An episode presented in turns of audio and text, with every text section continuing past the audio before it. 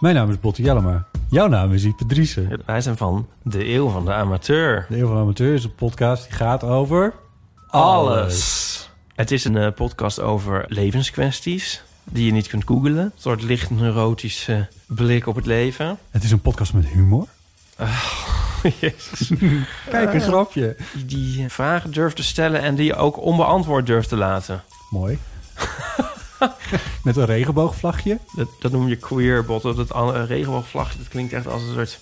Eh, ik bedoel, iedereen is welkom. Kom ons luisteren in je favoriete podcast-app.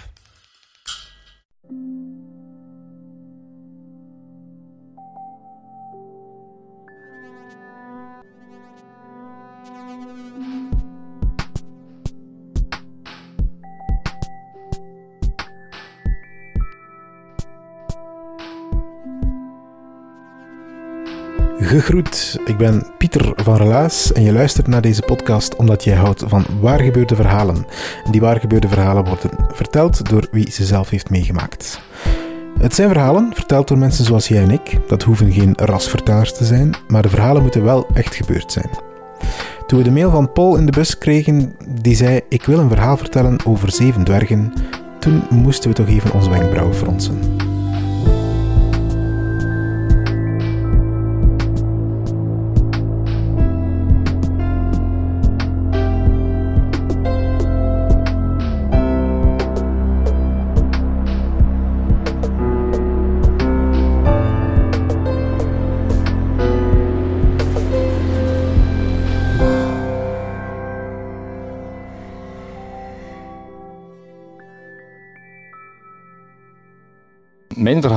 Gaat over mijn buren. Ik ben van Brugge. Ik woon in de Sint-Hubertuslaan. En naast mij, aan de ene kant, wonen Goedroen en André. En aan de andere kant wonen Jan en Francine. Er zijn drie hoofdrolspelers. Er is eerst en vooral Goedroen. Goedroen is een Duitse dame. Zij heeft haar man leren kennen, eh, André leren kennen, toen hij zijn legerdienst deed in Duitsland. En ondertussen wonen ze al 50 jaar in Brugge. Goedroen is een hele optimistische dame, welgezind, altijd bereid om te helpen. Maar Goedroen heeft ook een duister kantje. Goedroen kan gevaarlijk zijn. Als het sneeuwt bijvoorbeeld en er wordt op de deur gebeld en je denkt er niet aan, je doet open, dan moet je niet verwonderd zijn dat je een sneeuwbal in je gezicht krijgt. Dan ook wat sneeuw in de gang en dan komt er een bulderende lach en dan probeert goederen je te knuffelen en dan komt er ook nog wat sneeuw tussen je kleren enzovoort. Dus kortom, de ideale figuur om eens een goede mop mee uit te halen.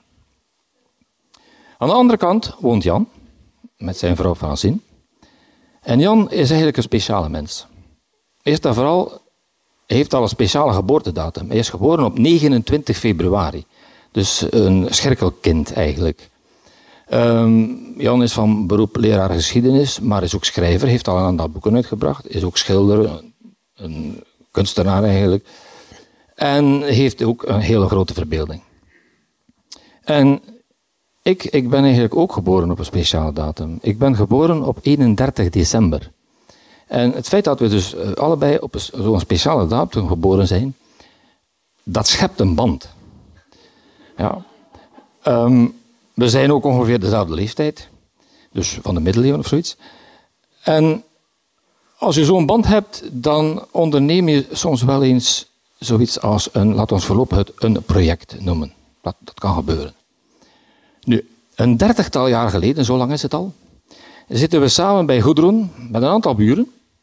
We waren uitgenodigd voor eh, koffie met taart, verjaardagsfeestje of zo, ergens in de maand september.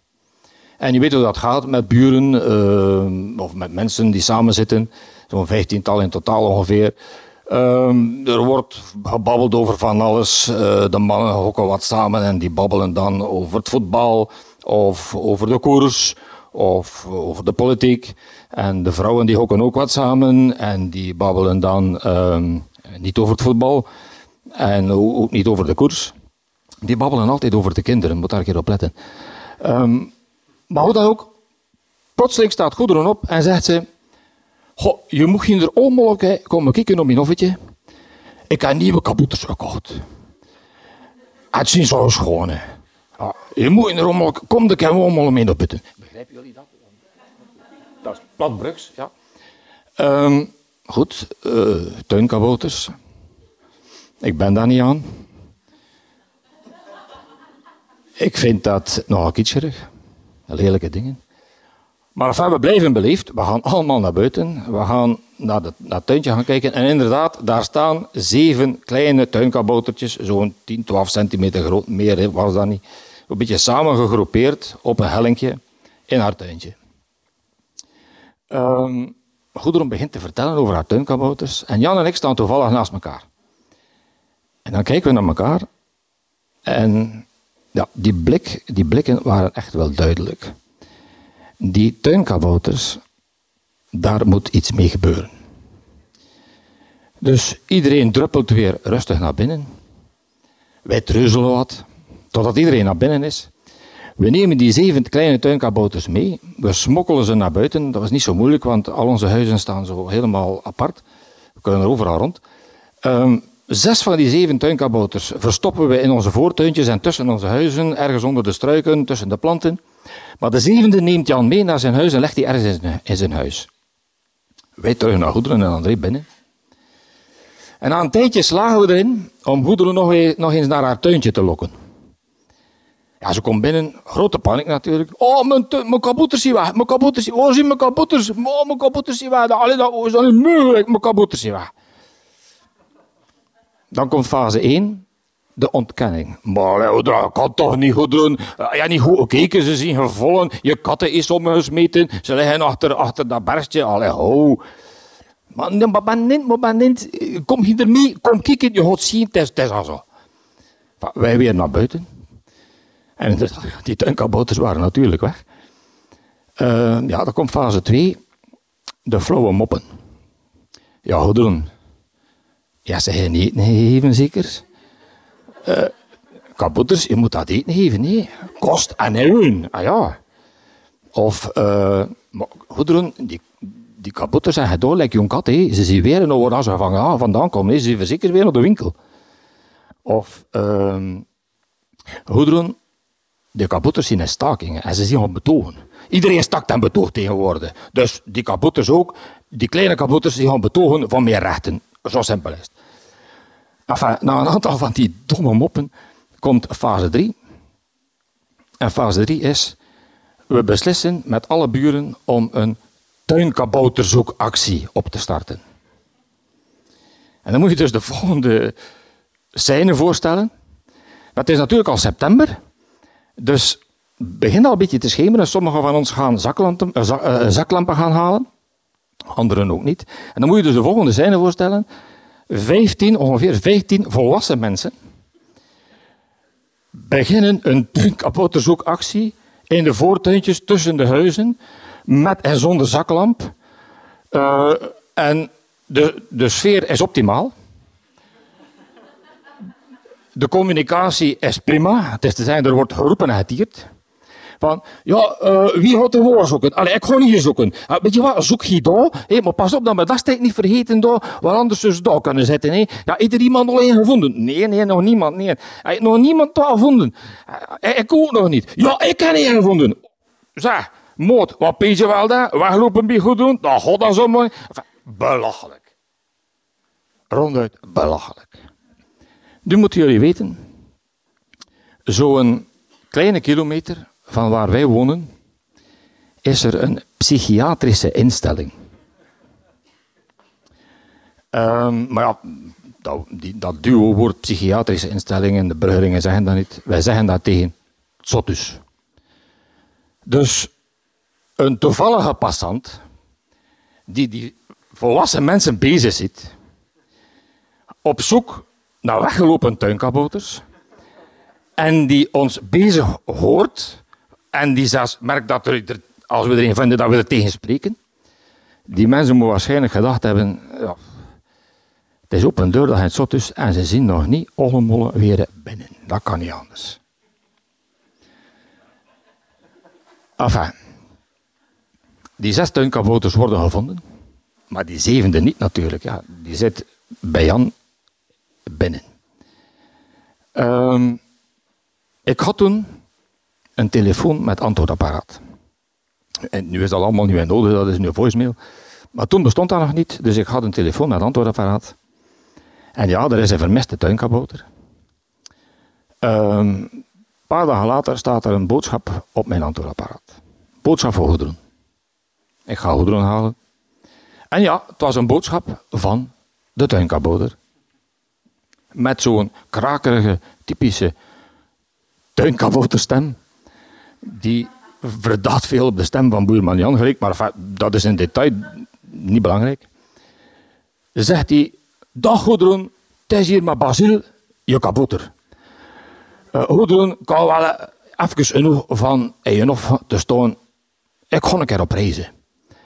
Uh, je moet je niet ongerust maken. Ik ga wel het wel weten. Ik ga ooit wel een keer terugkomen. Maar nu ga ik op reizen. Allee, dag Goedroen, dag. Zoiets. Dus Basil de tuinkabouter gaat de prijs. Dan hebben wij aan onze, Jan en ik, aan onze vrienden en kennissen gevraagd om, als jullie ergens naartoe gaan of op prijs gaan, wil je dan een keer een kaartje sturen naar de Sint-Hubertuslaan 66 enzovoort. En met als boodschap met de groeten van Basil. En toen zijn bij Goederen en André wat kaartjes toegekomen. Eerst eentje en dan nog eentje en dan een paar en dan meer kaartjes en dan veel kaartjes. Want onze vrienden en kennissen, die hadden dat verhaal, of die gegevens ook doorgegeven aan hun eigen vrienden en kennissen. En zo, maar dan wel zonder het verhaal, maar met adres en met de groeten van Basil erbij. Dus zo waren er op den duur in Sint-Andries en ver buiten een pak mensen die op termijn, dat, op pak mensen die wisten dat ze moesten een kaartje sturen naar de sint enzovoort, met een grote van Basil, maar die geen flauw benul hadden van hoe dat de zaak in elkaar zit. Hè?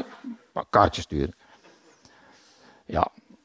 En Goederen kwam dat ook vertellen aan ons, dat ze, dat ze de kaartjes kwam krijgen. Dan belden ze aan en uh, kwam ze binnen. Oh, zag ze, ik heb weer een kaartje het van Basil. Is het hoor, Goederen? Ja. Ja. Ah, waar zit hij nu? Ze kan er van drie uit. Ja? Allee, Goederen. Ja, zegt ze. Uh, je zit voor de citytrip in Rome. Maar je is ook aan het voeren op de Mekong in Vietnam. En je het fietsen in Limburg. Maar dat is super, zeker? We hielpen daar ook aan mee, Jan en ik. Um, Jan heeft twee dochters. Die zijn ondertussen al, al lang het huis uit, maar toen waren die nog klein. En Jan had een zandbak. Dus wij putje van de winter naar buiten met Basil met een bureaulamp, met zo'n klein gietertje met een beetje water, een heel klein speelgoedgietertje. Die basje van die zandbak, Basil in dat zand, die bureaulamp daarop, uh, klein beetje water overgieten, foto van maken, laten ontwikkelen in de bus bij Goedron. De dag nadien belt ze aan. Moet je wel weten, zegt ze. Basil zit in de Sahara. En je zegt dat weet niet hoe warm is. Het zweet loopt van en klopt zelfs door de grond. Um, een aantal tijd later belt ze nog een keer aan. Maar zegt ze, nu ben ik verscholen. Maar nu ben ik verscholen. Wat is er goed doen? Wat is er? Het is Basil. Ja, wat, is er met Basil? Basil heeft in het hospital een accident gehad. Wat blief? Ja, hij is heel haast onwikkeld met van dat verband haast. Hij ligt in een bedje. Maar gelukkig zeggen, je schrift, dat ons geen zorgen moeten maken. Want het is al veel beter met hem. Hij heeft ook een schoon verpleestertje die goed voor hem zorgt. Want we hadden er zo'n Barbiepop naast gezet met van die verpleesterkleren aan. Mooie foto genomen. Maar het leukste verhaal vond ik eigenlijk... Tijdens die afwezigheidsmaanden van Basil zit ik in een café op de plaats in Sint-Andries een koffietje te drinken.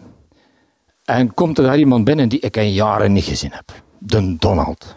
Ik had er nog mee basketbal gespeeld. En speciaal, speciaal dat in Donald. Dat is niet in Donald van Amerika, hè. Uh, dat is een andere Donald. Uh, maar dat was ook een speciale Donald. Ja, we komen aan de praat en uh, ah, nou nog speel je nog basket? Ah ja, aan woord speel je nog basket. En Madonna had al een paar keer in was al een paar keer in Amerika geweest naar zo'n NBA basketmatch gaan kijken. Dus het gesprek kwam vrij snel op reizen. En jawel, op een bepaald moment vraagt hij, zeg, Paul, wil je het wat doen voor me? En hij had zijn portefeuille boven en haalt daar een blaadje uit en hij begint daar een adres op te schrijven. Zegt hij, wil je een kaartje zenden? Nou, een adres, hè? En je moet, er, wacht, je moet er wat bij zetten. Ik ging bijna zeggen, ja, met de groeten van Basil. Maar ik kon er nog net in houden. En je moet erbij zetten, zeggen, met de groeten van Basil. Ja, zeg, het is een ingewikkelde story, ik kon je niet vertalen. Maar oh dat wel doen? Ik was er zeker van, ik kende het verhaal niet. Toen heb ik even getwijfeld. Wat doe je dan? Ik was een van de hoofdrolspelers. Iedere mens is een beetje ijdel. Dus vertel ik nu dat verhaal? Hè? Of laat ik die geheimzinnige glimlach op zijn gezicht, laat ik hem die geheimzinnigheid. Maar ik ben een brave mens, ik heb het hem niet verteld. Ik heb gezegd, ja Donald Jong, geen probleem, ik zal wel een kaartje sturen. Ik ga dat wel doen. Wat ook gebeurd is trouwens. Um, ja, na een aantal maanden begint dat verhaal een beetje afgezaagd te geraken.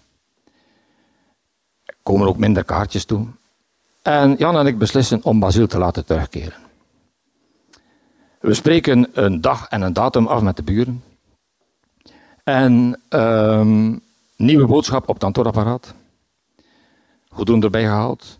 Goedroen, het is hier maar Basil. Ja, kijk, kan je wagen genoeg rond reist. Hey, uh, ga nu langzamerhand ik weer een keer die dag dat deuren komen terug. Mo, Goedroen, mo. Ik ken een vriendinnetje. En ik ga mijn vriendinnetje meebrengen. We hadden namelijk met de buren zo'n tuinkabouter.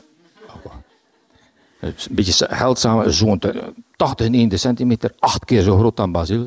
Moet kunnen.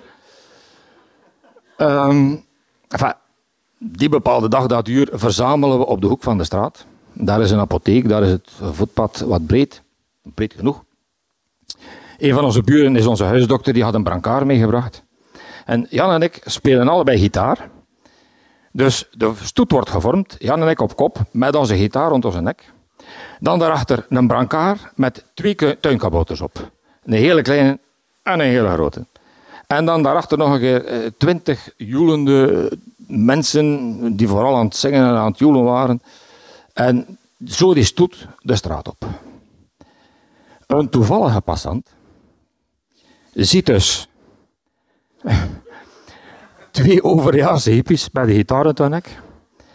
Dan een brancard met twee tuinkabouters op. En dan twintig onnozelaars die daar staan te springen en te joelen en te zingen. En zo op die manier gaan we die 200 meter naar het huis van Goederen en André langs de straat. Komen we daartoe. En hebben we in feite een prachtige namiddag gehad. Wat Goederen had natuurlijk voor koffie met taart gezorgd. Um, maar het verhaal is nog niet gedaan. Want er is nog dat vriendinnetje. Nu, André is bouwvakker. nu is hij al een tijd met pensioen, maar hij is bouwvakker. En André is zo iemand, als je een klusje moet doen in je huis, en je hebt het materiaal niet, wel, ga dan een keer naar André. André heeft het ofwel staan, liggen, ofwel brengt hij het mee van zijn werk. Zo'n persoon is André. André had dus ook een stelling met een heleboel buizen en een heleboel planken. Enfin, André heeft zijn stelling langs zijn huis gezet. Heeft dat vriendinnetje van Basil naar boven meegedaan, op zijn dak gekomen en heeft daar het vriendinnetje van Basil vastgemaakt bovenop zijn dak. En goed vastgemaakt. Want vandaag, 30 jaar later, staat dat vriendinnetje van Basil nog altijd bovenop het dak bij Goederen en André. Dus als jullie ooit eens passeren in Sint-Andries, in de Sint-Hubertuslaan, stop dan eens voor het nummer 66. Stap uit en kijk naar boven. Dan zal je het vriendinnetje van Basiel zien staan en blijf een beetje kijken, want als je een tijdje blijft kijken, dan krijg je de indruk dat dat vriendinnetje naar je aan het zwaaien is. Precies om te zeggen, hallo daar beneden. Ik ben het vriendinnetje van Basil. Alsjeblieft.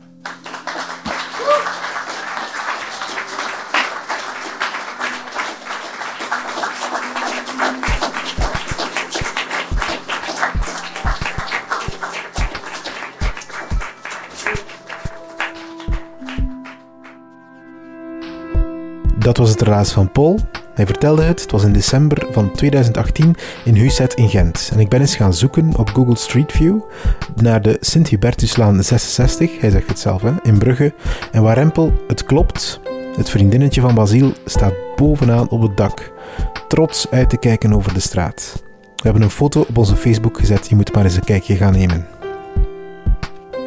Relaas is er dankzij de afdeling Cultuur van de stad Gent en van de Vlaamse gemeenschap. Onze vrienden zijn Den Hopzak, Huset, Urgent FM, Pulp Deluxe en Chase. Relaas is een prettig gestoorde bende van verhalenliefhebbers. In volgorde van prettig gestoordheid ga ik ze even opsommen. Je mag zelf kiezen oplopend of aflopend. Sarah de Smet, Egwin Gontier, Katlijn de Vries, Stefan Greijaard, Sarah Latré, Timon van de Voorde, Lint Somers, Anneleen Schelstraten, Marleen Michels, Ruby Bernabeu Plaus, Jurgen Strooband, Steve Konaar, Charlotte Huigen, Evita Nocent, Dieter van Huffel, Philippe Cox, Silke Dury en ikzelf ben Pieter Blomme. Als je zelf ook eens een verhaal wil vertellen bij Relaas, vul dan een formuliertje in op onze website en hou er rekening mee dat het wel tot zes maanden kan duren vooraleer je een antwoord krijgt, want we krijgen heel veel van die vragen. En als je een vertelavond wil bijwonen, dan mag je gewoon onze website in de gaten houden of onze Facebookpagina. Wij posten daar onze nieuwe events en daarin zetten we ook duidelijk van kijk, vanaf die dag kan je tickets krijgen. En ik vraag het elke keer opnieuw, dus nu niet toevallig nog eens. Um, en het is ook zo belangrijk dat ik het blijf herhalen. Stuur dit verhaal door naar iemand aan wie je denkt. Iemand aan wie je denkt als je dit verhaal hebt gehoord. Je doet er hem een plezier mee, maar ons ook.